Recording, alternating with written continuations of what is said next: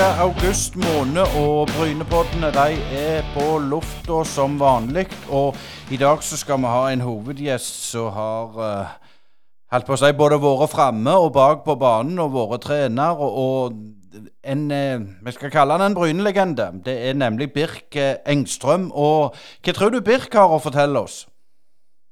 Nei, jeg må si jeg vet veldig lite om hva Birka forteller oss. Han har jo en usedvanlig lang karriere i Bryne. Fra han kom til fra Ålgård som, som 17-åring, var det vel. og Det blir mye spennende. og Han fikk jo med seg alle de toppårene som klubben hadde, utenom cupfinalen i 87. Så her er det mye godt stoff å høre på for lytterne. Det er der, og vi skal ikke tatle oss vekk, for det er Birk som blir hovedgjesten i denne Brynepodden. Hei, det er Hanna Kvarneland fra Privatmegleren Jæren. Er du på boligjakt, eller vurderer du å selge boligen din? Vi i Privatmegleren Jæren er ekte lokalmeglere med spesielt god kompetanse og et godt fotfeste om boligmarkedet her på Jæren. Ta kontakt med oss i Privatmegleren Jæren på telefon 51 48 86 00, eller kom innom oss i Torgata 2 på Bryne. Privatmegleren Jæren. Alt vi forventer, er at du forventer mer av oss. Sparebanken Vest er ikke som andre banker. Den største forskjellen er at det er du og de andre kundene som eier banken, og alle verdiene som skapes, de skaper vi sammen. Verdiene gir tilbake til deg og lokalsamfunnet i form av kundeutbytte til deg og samfunnsutbytte til lokalmiljøene. Hos oss vil du møte en personlig bank og få din egen dedikerte rådgiver. Enten du trenger en prat eller ønsker å fikse ting sjøl, så er vi lett tilgjengelige for deg. Ta gjerne kontakt med oss på spv.no. Håper du vil bli med på laget. Brynepoddene de eh, tar ikke sommerferie, som vi har sagt eh, flere ganger. og I dag skal vi ha en, en hovedgjest som er oppvokst på Ålgård og er av den eldre, nyeldre generasjonen, Asker. Ja, Det stemmer. Vi har med oss eh, Birk Engstrøm, som i årevis kledde på seg den røde og hvite drakta, 15 år vel. og Birk, eh, vi begynner litt med det enkle. Altså, du er ålgårdskar opprinnelig, men mange tror jo mest du er Brynemann, for du har jo bodd der i, i, en mannsalder allerede. Men, men litt om Ålgård og familien din, og hva slags forhold du vokste opp med? Ja, jeg eh, vokste opp på Ålgård, som du sier, og spilte alle alderbestemte klassene der. Men det var ikke sånt så det er i dag. Vi begynte vel som tolvåringer og spilte som tolvåring, 14-åring, 16-åring og 18-åring. Og så Siste året, når jeg var på Ålgård som 17-åring, så ble jeg òg uttatt på juniorlandslaget, og det var jo flotte greier. En, mann, eller en gutt i Ålgård skulle få være med på noe sånt. Noe.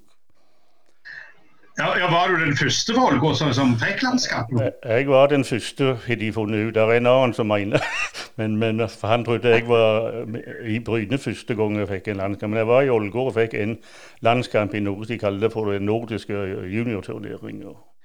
Ja, kan, kan, du snakke litt om den juniortiden, hvordan du opplevde det? For det var jo ikke sånn som i dag at du ble henta på hotell og dagen før og dere var powerpoint-prestasjoner og sånne ting. Det var litt enklere kår? Det var nok annerledes da, ja. Men det var den første gangen jeg fikk reise med fly fra Sola til Fornebu, som det var da. Fra Fornebu til Keflavik på Island. Og det var den første gang jeg var i fly. Og da var det fire-fem lag med, så spilte alle imot hverandre. Og det ble kåra en seier, seierherre etter alle hadde spilt imot hverandre. da. Jeg klarer ikke å huske hvilket land som vant, men det var ikke Norge. Men Klarer du å huske noen av de du, du var i lag med på det juniorslandslaget? Altså? Ja, jeg kan iallfall si en jeg husker, som hele Norge husker. Det var Tom Lund. Var han eh, så god som, som mange i ettertid har hevda eh, på den tida? Ja, han var et naturtalent. Det var samme hva vi gjorde. Samlinger vi spilte biljard, så kunne han ha kølla bak ryggen og være bedre enn oss andre. Så han var Stavsprang tror jeg han hoppet opp imot fire meter, så han var utrolig talent innen alle idretter omtrent. Og så kom du selvfølgelig tilbake til Ålgård og, og, skulle liksom eh, være med og ta laget. Altså, Hvilken divisjon var Ålgård i på den tid? Det året jeg spilte, så var det i gamle tredjedivisjon. Og det blir jo samme nivå som Bryne var på i fjor. Og så datt de ned enda en divisjon. Og når jeg hadde spilt på juniorlandslaget, så fikk nok enkelte klubber litt greie på dette. her. Og så fikk jeg høre fra Bryne, for da arbeidet jeg på Kvernelands fabrikk. Og jeg takket ja til til Bryne. Og sto utenfor fabrikken, og så kom Johannes Wold og plukket meg opp hver gang vi skulle på trening. Så jeg satt på med han ned til trening. Men vi, eh, altså, vi må jo si litt om Ålgård òg. Altså, Ålgård er jo et, et lag som, som, virkelig har vært godt i mange år og, og prega lokalfotballen i Sør-Rogaland i mange år. Men altså, på den tida der eh, det var litt sånn at enten var det Ålgård eller så var det Bryne som ble liksom nummer to-lag i fylket. Var det ikke litt sånn? Ja, men Ålgård er alltid eh, leie bak Bryne divisjonsmessig. Da Ålgård hadde et topplag, det var faktisk talt før 1950. Da var de i den høyeste divisjonen, om han heter Landsserien da, og spilte mot uh, Lyne, Fredrikstad, Mjøndalen, og alt sånt noe. Da var de gode, men så gikk de jo nedover til tredje og fjerde divisjon etter hvert.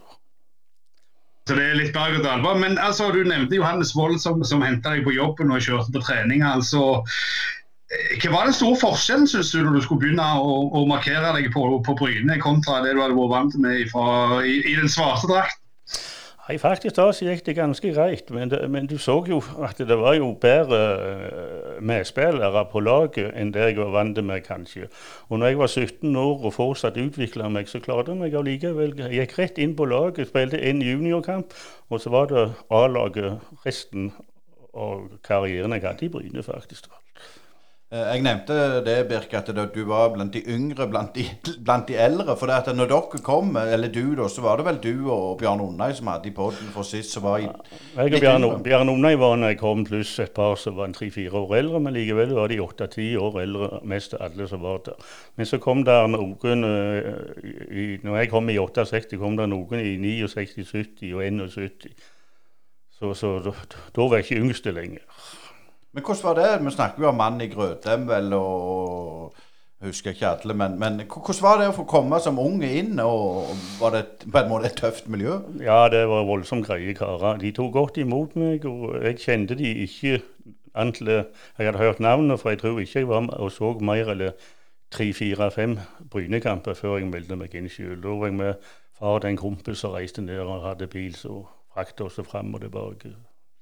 Det er litt løgn når du sier 'meldte deg inn'. Det var ikke sånn noen overgangssummer i disse tider? Det var ingen overgangssum med meg.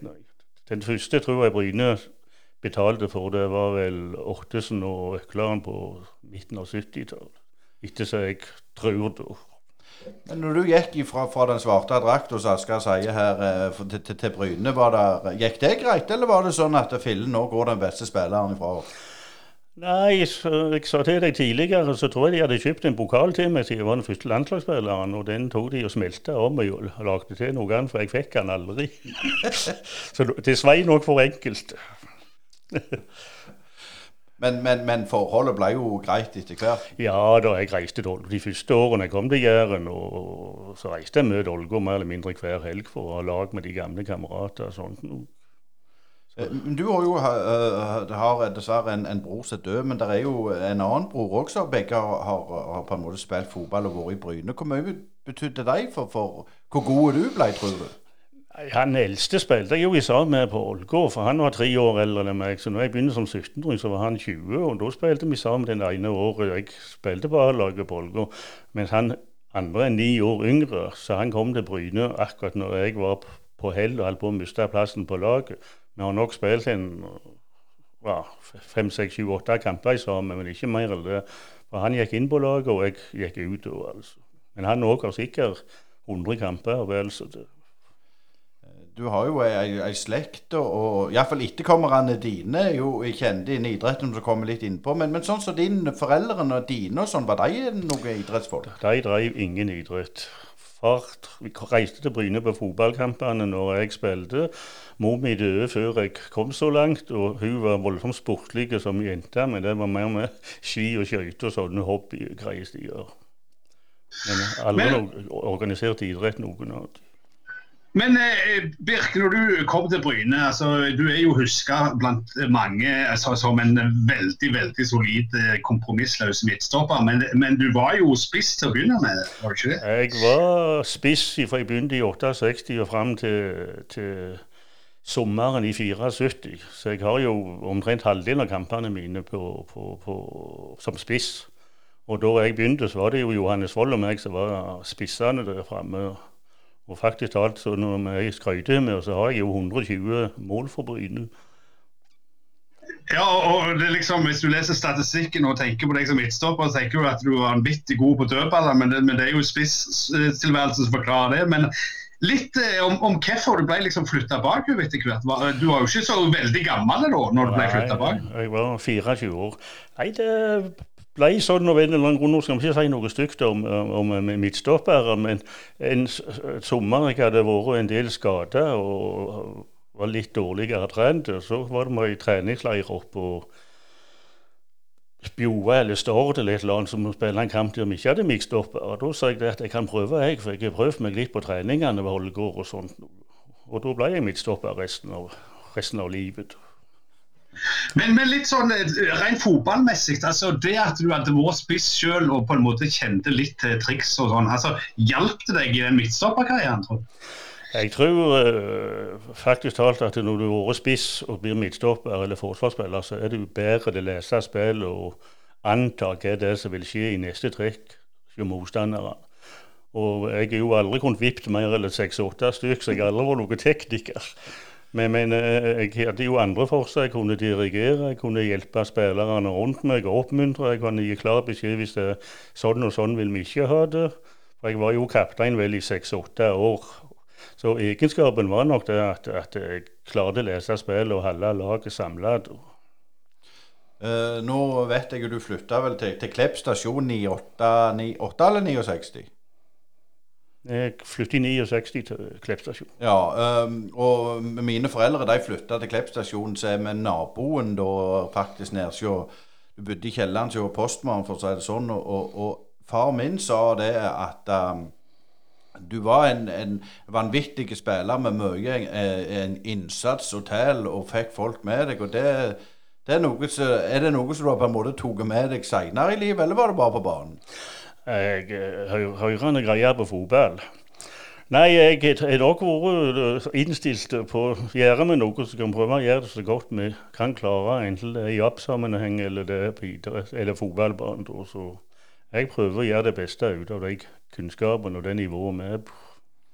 Eh, du har jo jobba i, i, industrien, og, og på Ålgård så var du DFU og Skjæveland eh, Hva var det det var? Skjæveland eh, Strikkefabrikk. Strikkefabrikk. Og jeg sa jo Figgjo Fianse men det er jo på Figgen, så, så Ålgård må vi holde det. Men hvordan var det når du kom inn i fotballen? Var det liksom eh, disse bautaene, Kverneland og Figgjo og sånn, var det der folk stort sett arbeidet på, på Jæren i de tidene? Ja, men jeg sier det var de store industriene på Ålgård. Men jeg gikk på yrkesskolen på Bryne og noe som heter sveiseplate.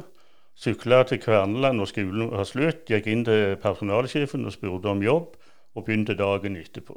Da begynte jeg i lære der og var i fire år og var fram til militærtjenesten. Og så begynte jeg i treindustrien når jeg kom hjem fra militæret. Og der har jeg vært siden. Men Hvordan var det å bare prøve. Du var, du var på landslaget, og du var på et, et Brynelag som var et av de beste i Norge. Og så hadde du, du, hadde du full jobb utenom. Ja, ja, det var jo vanlig. det. Vi begynte på 70-tallet en gang med noe non-amatør, som de kalte det for. Og det gikk jo ut på det at eh, eh, klubben hadde lov til å gi så og så mye penger for hvert poeng. Men de pengene fikk vi aldri. De måtte sendes til forbundet, og så fikk vi de igjen som gavesjekker. Så vi kunne, måtte kjøpe en gjenstand av varig verdi, heter det rett og slett. Da skulle vi være amatører. Vi fikk ikke pengene i, i hånd og i pengetaska. Men klart, Hvordan var det med holdt på å si, forenlig med familieliv og, og, og sånn? Du, du, kan ikke ha vært mye hjemme? for da... Vi trente jo en time etter arbeid, og så når ungene var tre, fire, fem, seks år, så hadde vi dem med oss. Så sprang så mange unger samla og lekte seg imellom. Så dusja vi og gikk hjem med ungene med oss. Så, så fikk hundene fritt to-tre timer iallfall da. Vi, vi, snakket litt med, med Aasland her tidligere, og han fortalte om at det kom noen sånne endringer i, i satsinga på, på begynnelsen av 70-tallet. At de la om litt sånn eh, system og litt tanke rundt profesjonalitet og sånn, og gradvis skulle få Bryne opp. Og opprykket kom jo etter hvert i 75. Men de der åra der det begynte å endre seg litt. For i 68 så var det ikke helt sett ennå det der nye, nye Bryne i hermetegn. Hvordan merka du de forskjellene? Jeg syns ikke vi spillere merka så voldsomt mye, men vet, vi fikk, da vi fikk Gustav Hull som trener vel første gangen i men 73 blir vel det. Så, så, så merket vi jo det at, at, det var litt mer seriøst og profesjonelt opplegg med han da enn kanskje sånn som vi hadde hatt det tidligere. Og så var jo han bare ett år da, og så reiste han ble for mye i forhold til jobb. Så kom han tilbake igjen og trente oss vel opp, og så hadde vi han ett år òg i førstedivisjon. Før Skauen da overtok. Så det, det ble jo òg trenerne på et høyere nivå enn det vi var vant med. Men, men, men, var liksom året, fotballåret var det annerledes den gangen? Altså, hadde dere liksom fri etter sesongen og så fram til holdt på å si, januar, og sånn, eller var det hele veien da en gang? Nei, vi, Når sesongen var slutt, så tok vi gjerne bare ei uke fritt. Og så hadde de en, en, en sånn turnering. eller Vi møtte og spilte på grusbanen, det er parkeringsplassen nå bak det nye klubbhuset som vel snart er 30 år gammelt, så det er ikke så voldsomt nytt. Der spilte vi om høsten fram til sesongen begynte igjen. og Da begynte vi som regel 1.12. med inne på planen, eller springe ute i bakker for å bygge opp kondisjonen til det som vi kom på skikkelig fotballbane. Det var litt kummerlig. Øystein? Ja, du sier det, det er kummerlig, men dere var jo eh, blant Nor Norges fremste. Og, og, husker du hvem dere konkurrerte med? Hvem var det som var den argeste konkurrenten sånn rundt i land? Ja, De, de lagene som jeg kan huske gikk opp når jeg var der da, det var vel både Pors og Odd og Start. Mener jeg gikk opp de tre av de årene jeg snakket om nå. Og de andre lag som vi kjempa imot, det var jo noen av disse Oslo-lagene også var litt på retur i forhold til det de hadde vært på. Men Den første seriekampen jeg spilte imot på bortebane, det var mot Ørn i Horten, husker jeg. Ja, De nevnte jo det et lag som mest ikke det, eksisterer jo, men det er nede i divisjonene, og Pors er jo sånn sett òg det. og så vi spurte Bjarne om du skal få det samme spørsmålet. Savner du disse gamle lagene, sånn som Pors og Ørn f.eks.? Ja, men det er ikke det som skjer, at, at uh, skifter på hvem som klarer å holde seg i toppen. Og i dag, de som etablerer seg og har vært i mange år, det er jo ifra, stort sett fra større byer der det er økonomi til å få tak i de spillerne de trenger for å klare å holde seg. Eh, men den rivaliseringa dere hadde på, på, på 70-tallet og tidlig 80-tallet med Viking, var den så sterk som mange hevder? Ja, det tror jeg det var det. Det var aldri noe hat mellom spillere. For jeg er kompis, og jeg snakker med spillerne en dag i dag når jeg treffer dem, så det er jo alle tider. Men det var jo noe helt nytt på Jæren og i Stavanger at to lag som bor tre mil ifra hverandre, skulle kjempe om poenger i samme divisjon. Og det var jo 10 000-12 000 på Brynekampene og 13 14 15 i Stavanger de, siste, de første fire-fem årene vi var i samme divisjon. Jeg husker et år vi var på hotellet, hadde spillermøte og skulle opp på stadion med buss. Og det tok sin tid, for det var halvdeles kaos i gatene, så det var vanskelig å komme fram. Da var det stemning, ja. Men, men litt, eh, Vi har jo pensa innom om opprykket med, med, tidligere folk som har Men, men allikevel, det, det, året der dere rykket opp til den absolutte toppen av norsk fotball, altså første gang i klubbens historie, hvordan var det å være spiller i en sånn et lag som plutselig hadde tatt det steget for første gang? Nei, det var stort. Det er jo noe når jeg får spørsmål om det gildeste jeg har opplevd i fotballen. så så er jo det selvfølgelig noe av det ja, gjeveste jeg har vært med på. Det var når jeg kom på juniorlandslaget, det var opprykket. Og så når vi tok sølv, ett mål bak start i 1980, det var jo stort. Men allikevel datt det nok noen tårer, for det var vel bare et mål om å gjøre de siste minutter så gjorde at vi ikke fikk gull. Men, men det, skjedde det noen endringer da, sånn umiddelbart det første sesongen dere skulle, utenom at eh, reiseplanen ble, litt annerledes? altså Merka det noen store endringer i, i, fra, fra 74 til 75, eller, eller, var det stort sett sånn som du hadde vært vant til? Det, det, vi ble nok litt mer oppbakka av styret og, og, og, og sponsorer alt dette. Vi kunne gå og velge hvilket idrettsutstyr vi ville ha, og vi fikk det i fotballskolen. Ikke som vi ville ha, for det var jo ett fast merke alle måtte ha på seg. Da, for Det var de som hadde ansvaret det året. Da. Så alt ble jo mer gjevere å være med på. Bare det òg å kunne gå og kjøpe VG og så se på ukens lag og rundens lag og alt sånt. Du er mer framme i media enn det du er nå en divisjon under. Men, men, eh, kan du si litt av den gjengen altså, før Skauen kom inn? Altså, det er jo stort sett Jærbu og omegn som, som, spiller på laget på den tida, ikke det? Jo. Da vi, da vi gikk opp i, i 75, så var samtlige fra distriktet her Han som bodde lengst vekke, var Magnus Ladastøl fra Hofsæra. Likevel var de fra Stavanger til Eigersund, samtlige spillere. Men hvordan var det da når, når Økland og Ortesen kom i, i, fra nordfylket, som er jo ikke så langt i dag, hvis du tenker hvor, hvor de endte spillere fra i, i, våre dager. Men altså, gjorde det noe med gruppa at det kom, kom noen eh, folk nordant eh, og, og, sånne ting? Altså, Endra det noe inni gruppa, syns du?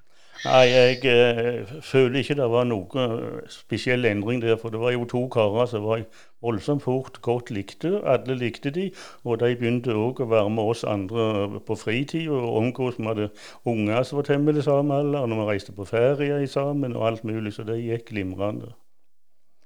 Men, men var det noe sånn eh, Altså du, du, nevnte Gustav Hult, og han er kanskje en av de trenerne vi, vi har hørt eh, mindre om i, i podkasten. Altså, kan du si litt om, om, Gustav Hult og det han sto for? For Skauen er jo kjent nok for fotballaget, men Hult litt mindre.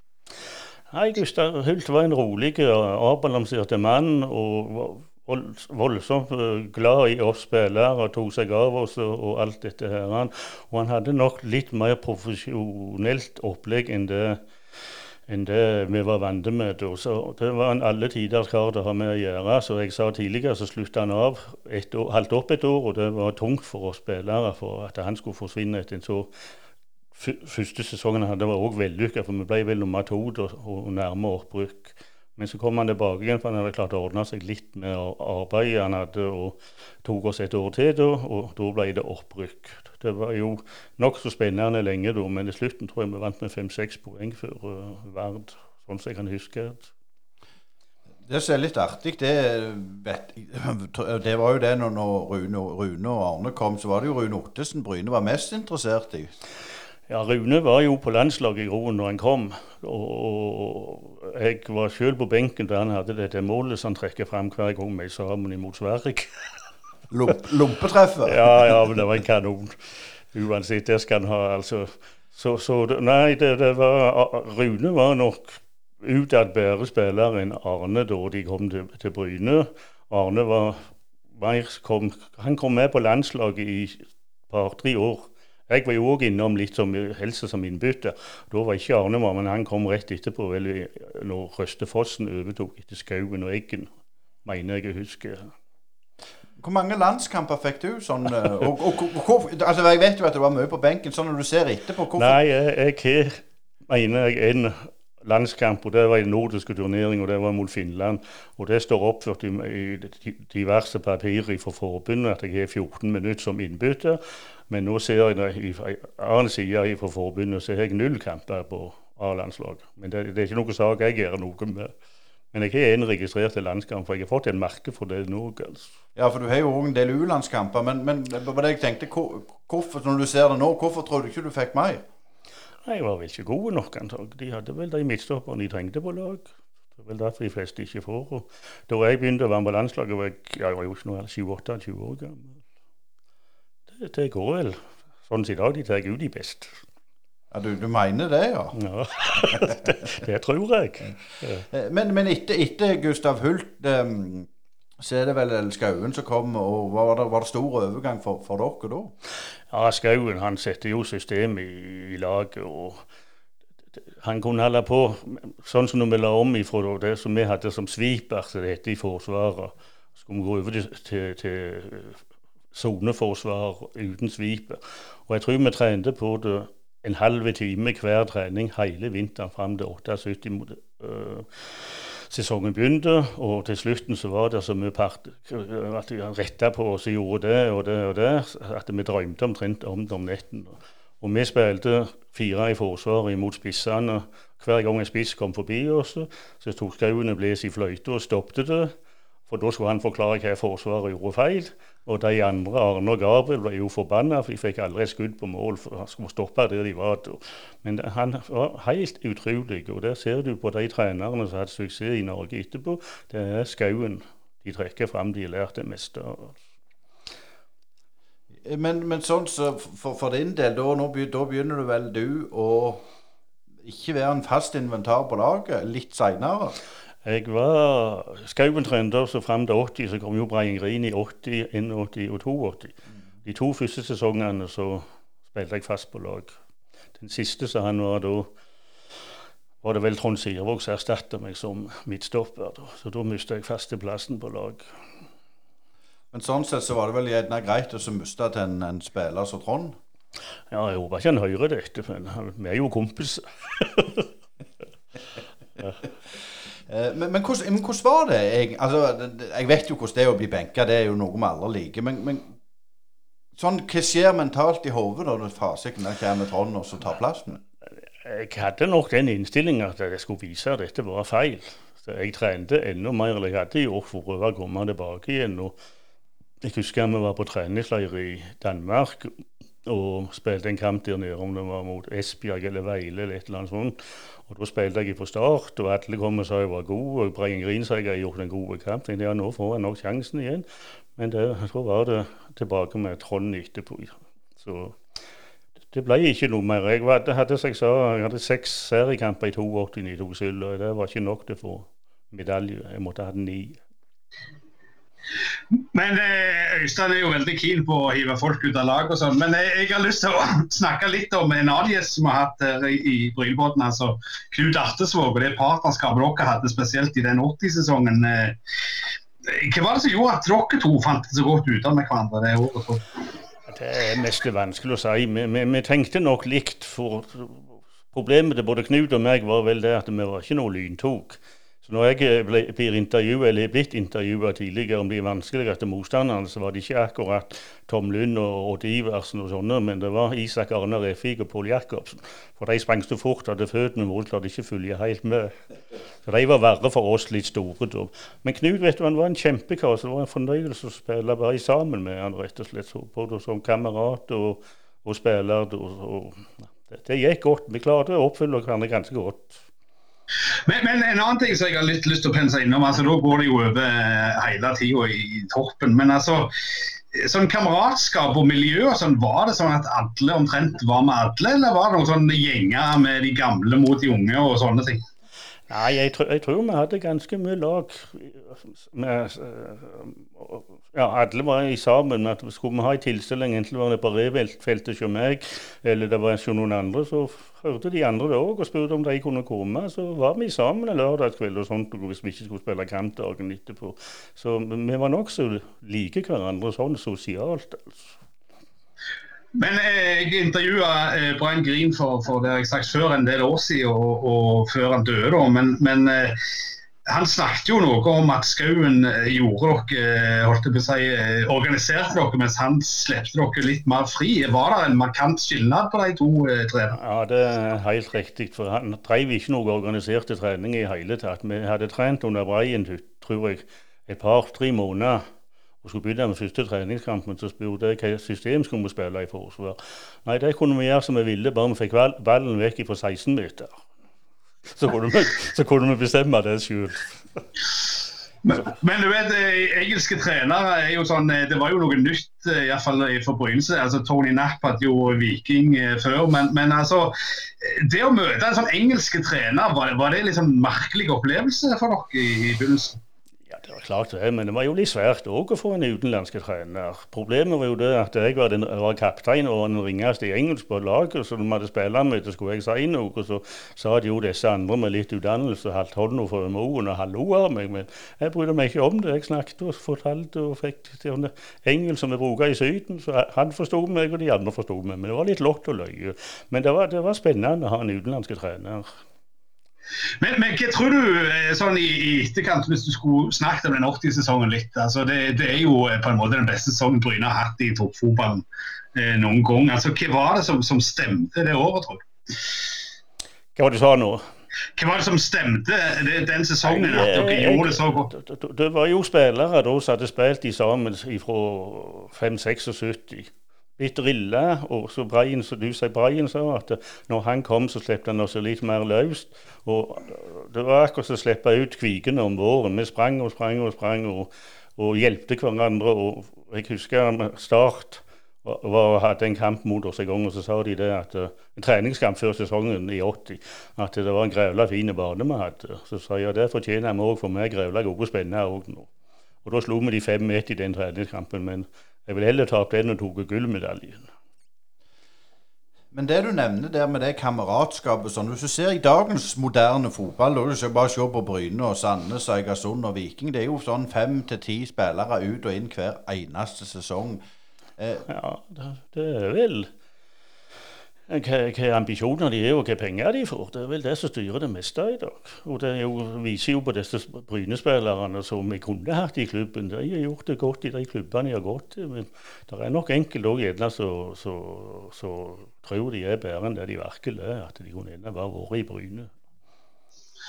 Men En annen ting som vi må jo få fram, det er jo at i 1980 så slo dere jo Viking i en obligatorisk kamp, i hvert fall eh, for første gang. Det kan jo være Rogalandscup før det, men jeg er ikke sikker. Men, eh, Nei, det var seriekamp.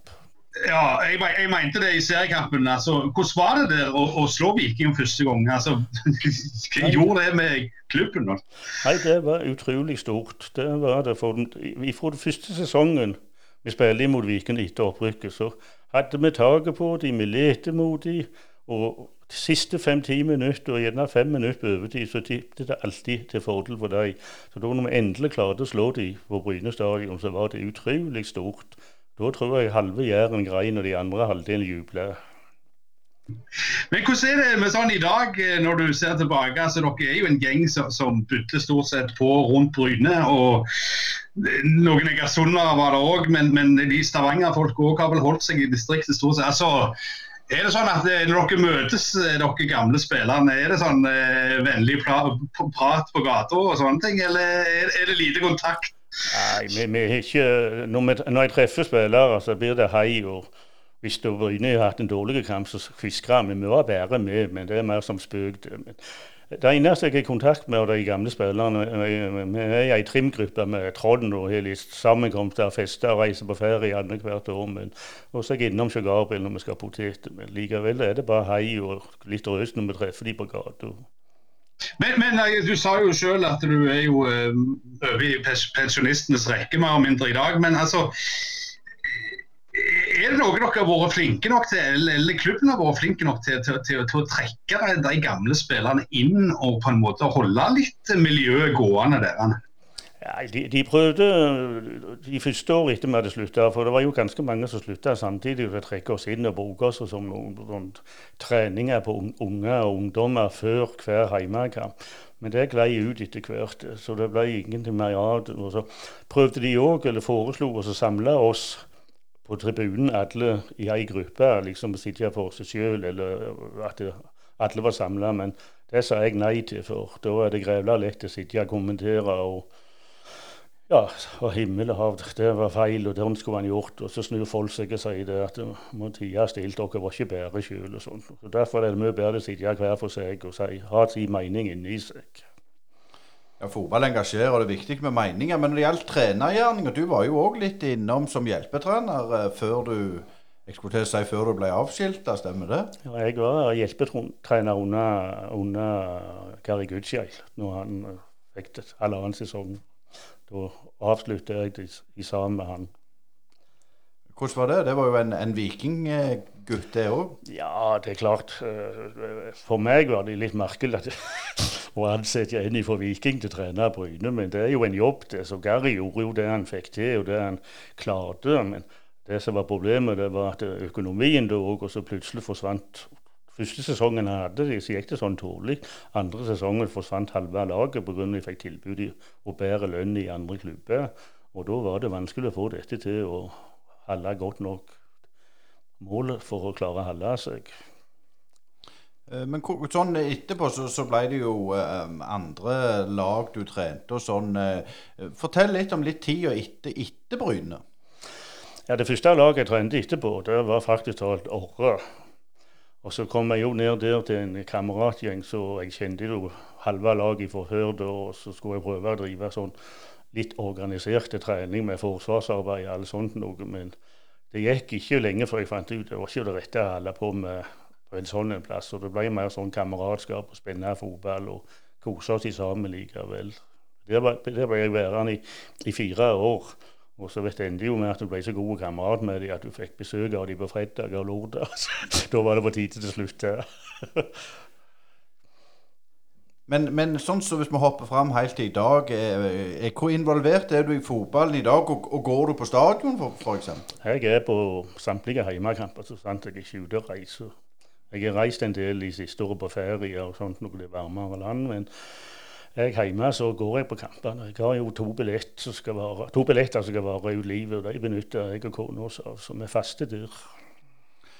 Hva vil du si når du ser laget nå kontra når dere spilte? Altså ikke laget, men klubben. Er det klart, eh, Hvis vi skal ta den, litt sånn negative sida De har hatt eh, litt 50 daglig ledere de siste årene og mange trenere og sånn.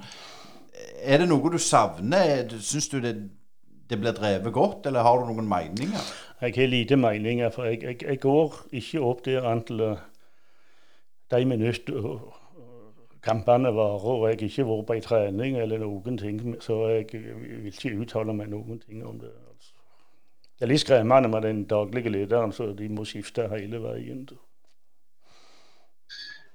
Litt sånn eh, å gå på stadion. Eh, du har jo opplevd både opp- og nedturer. Opprykk, nedrykk, eh, nedrykk igjen, holdt jeg på å si. Eh, er det noen ganger du har tenkt at nå gidder jeg ikke dette lenger, eller er du såpass trofaste som en av de få kanskje som er trofaste, at du går der uansett? Nei, jeg har aldri vært inne på tanken å slutte å gå på fotballkamp. Vi er pensjonister og sitter hjemme, og vi gleder oss til hver hjemmekamp. Og så kan vi sitte og si forskjellige ting inni oss. Hvis vi ikke er fornøyd med det som skjer ute på banen. Men stort sett så tier jeg stilt. Jeg sier aldri noe til noen hva jeg mener om det som skjer på banen.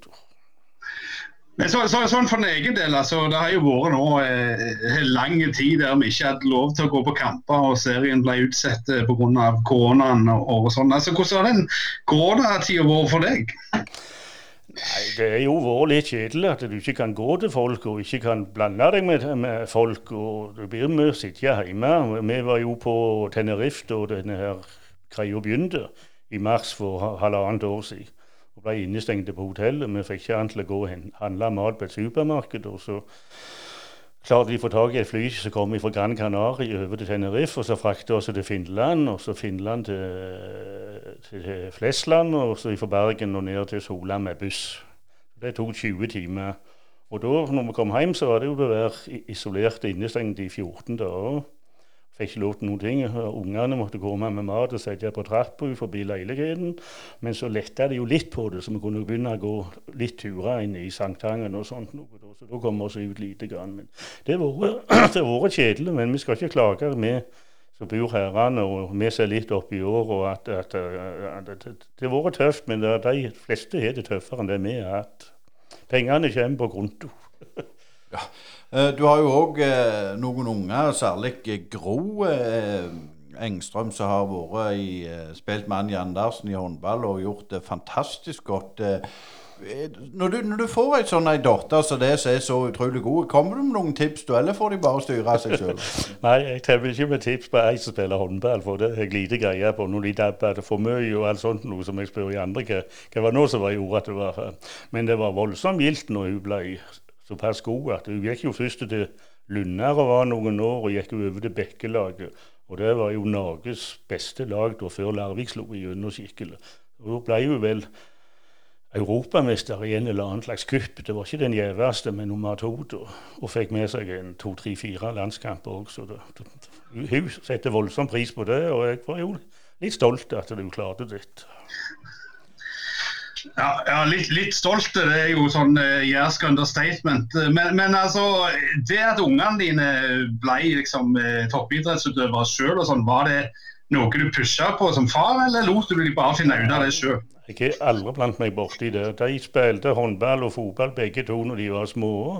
Og vokste opp. Den ene var nok mer villig til å trene enn den andre, og nådde langt på i ja, for å si det sånn, litt med det samme innstillinga som meg, at her gir vi det vi klarer, og står på og slåss, og så får det gå som det går. Og hun var nokså kjent for at hun var ei skikkelig tøff dame. Hun, når hun var i Bekkelaget, så var hun jo strekspiller, og jeg tror ikke hun var lett til det holde. Altså, det, det, var jo litt som faren, det var jo ikke heller lett å, å håndtere. Men, eh, men eh, Birk, jeg har lyst til å spørre litt om det der når du gikk ut eh, døra av stadion for, for siste gang og hadde på en måte avslutta karrieren som Bryne-spiller. Var det sånn tomhetsfølelse da?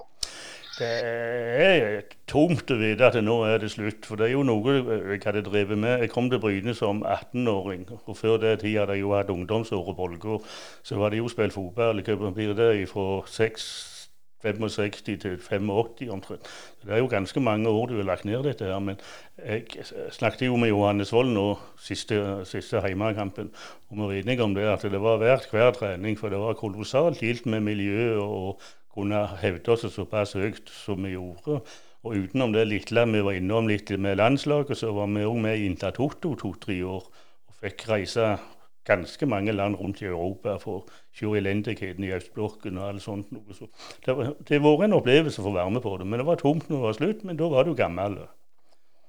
Eh, det er klart, når dere spilte, så var det jo ikke sosiale medier og, og alt dette der du på en måte får, vite, hvis du har bommet ti sekunder etterpå, at du, du er ubrukelig. Med. Hva, hva tror du det har gjort med sporten?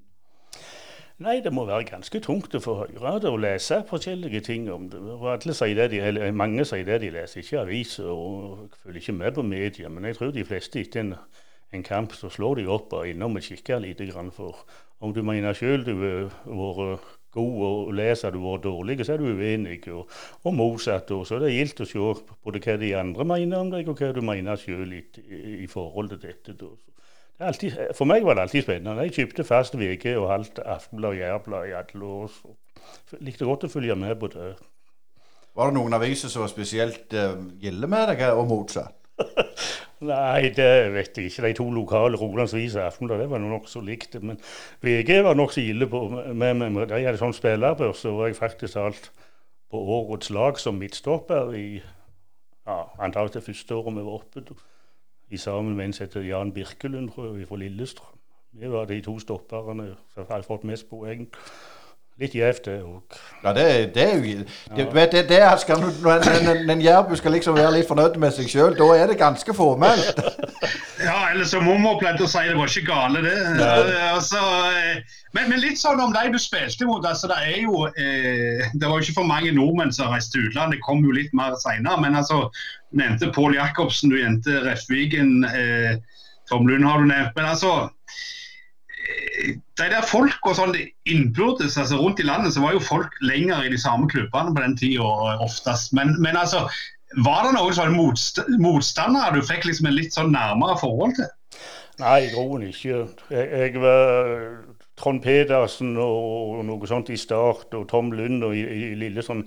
Tom Lund og spilte jeg jo på juniorlandslaget med, så vi kjente litt hverandre fra før vi møttes på seriekamper på 70-tallet. Men, men hadde jeg òg et greit forhold til Odd Iversen. Det var en kjempekar å ha med å gjøre. Så det var jo synd det så, sånn som så skjedde med han da etter hvert på sine gamle dager. Men han var en kjempekar når vi spente fotball. Han kom og hilste på når han var på Bryne som assistent for Eggen og sa 'hei, Birken, hvordan går det?' og sånt. Så det var en jordnær greie kar. det.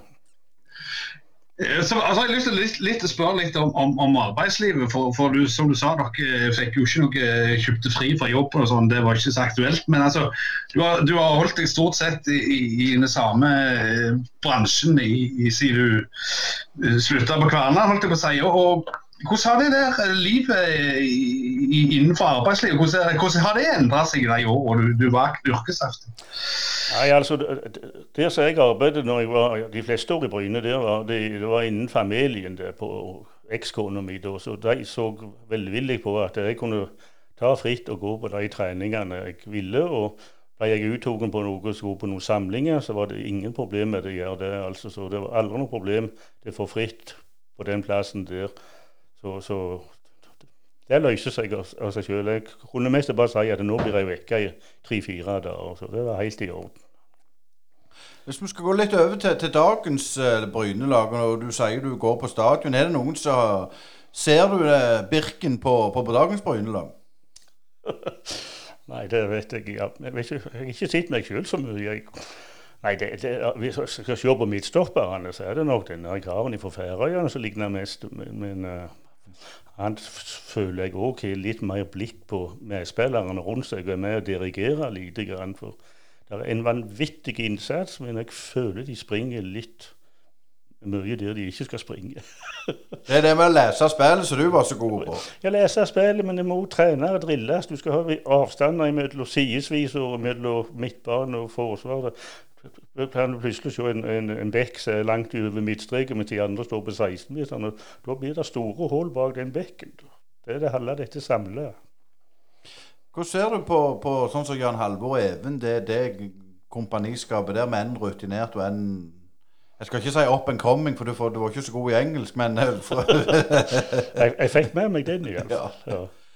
Nei, eh, det er vanskelig å si. altså. Nå vet jeg ikke hvor mye han Halvorsen har. Ja, det er jo han som er hovedtrener, hans ansvar. Og, men hvis den andre er dyktig, så bør jo hovedtreneren på han. Så hvis han merker at han har noe innspill, så det er noe de tenker over om, om det er riktig, og ikke bare avvise.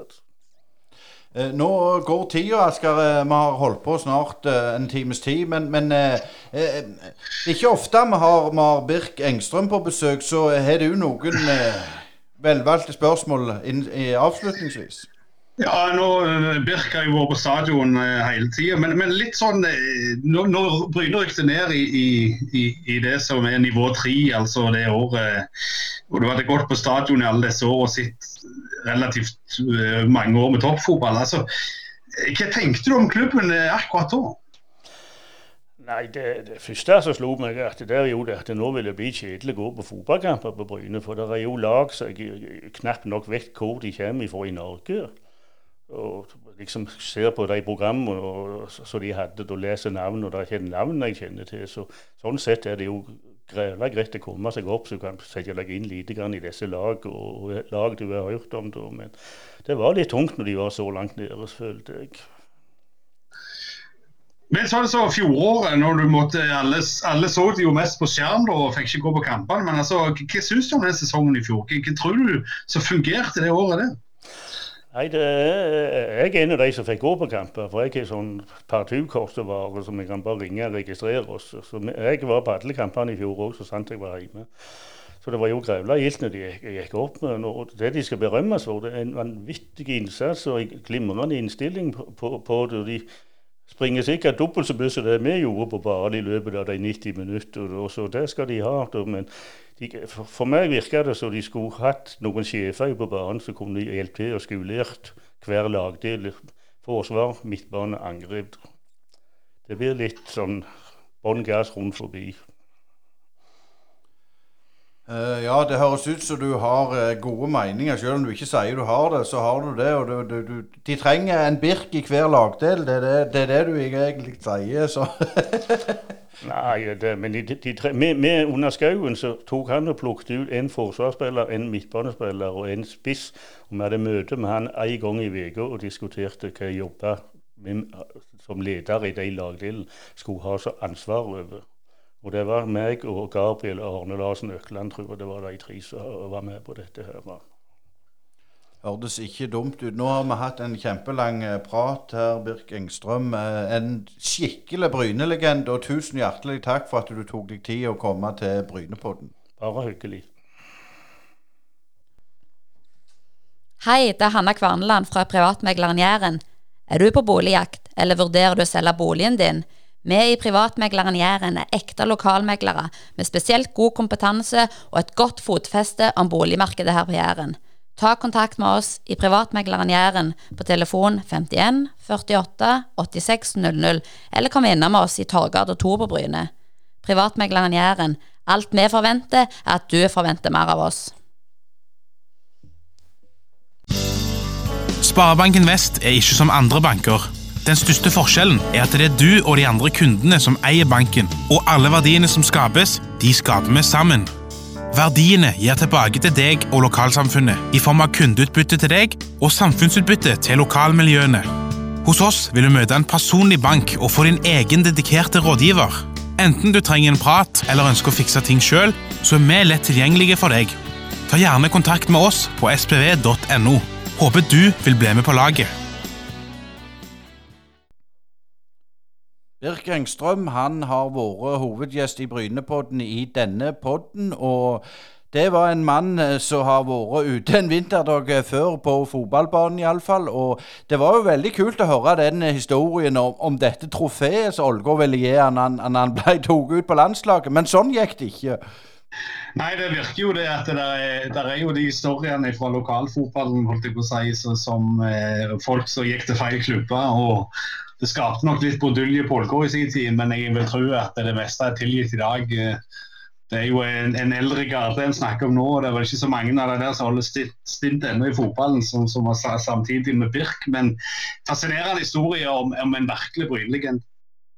Ja, det var det, og jeg syns mest det var litt, eh, litt artig. At det var faktisk så rivalisering på, på, på den tida òg. Og det er ikke bare noe nytt som har kommet med, med, alle disse sosiale mediene, og, og rivaliseringa den var der. Og jeg håper, for, for, jeg håper, de ble rike på dette de smelta om. Jeg vet ikke jeg, Asgeir, om, om det var sølv, om det var mer verdt på den tida.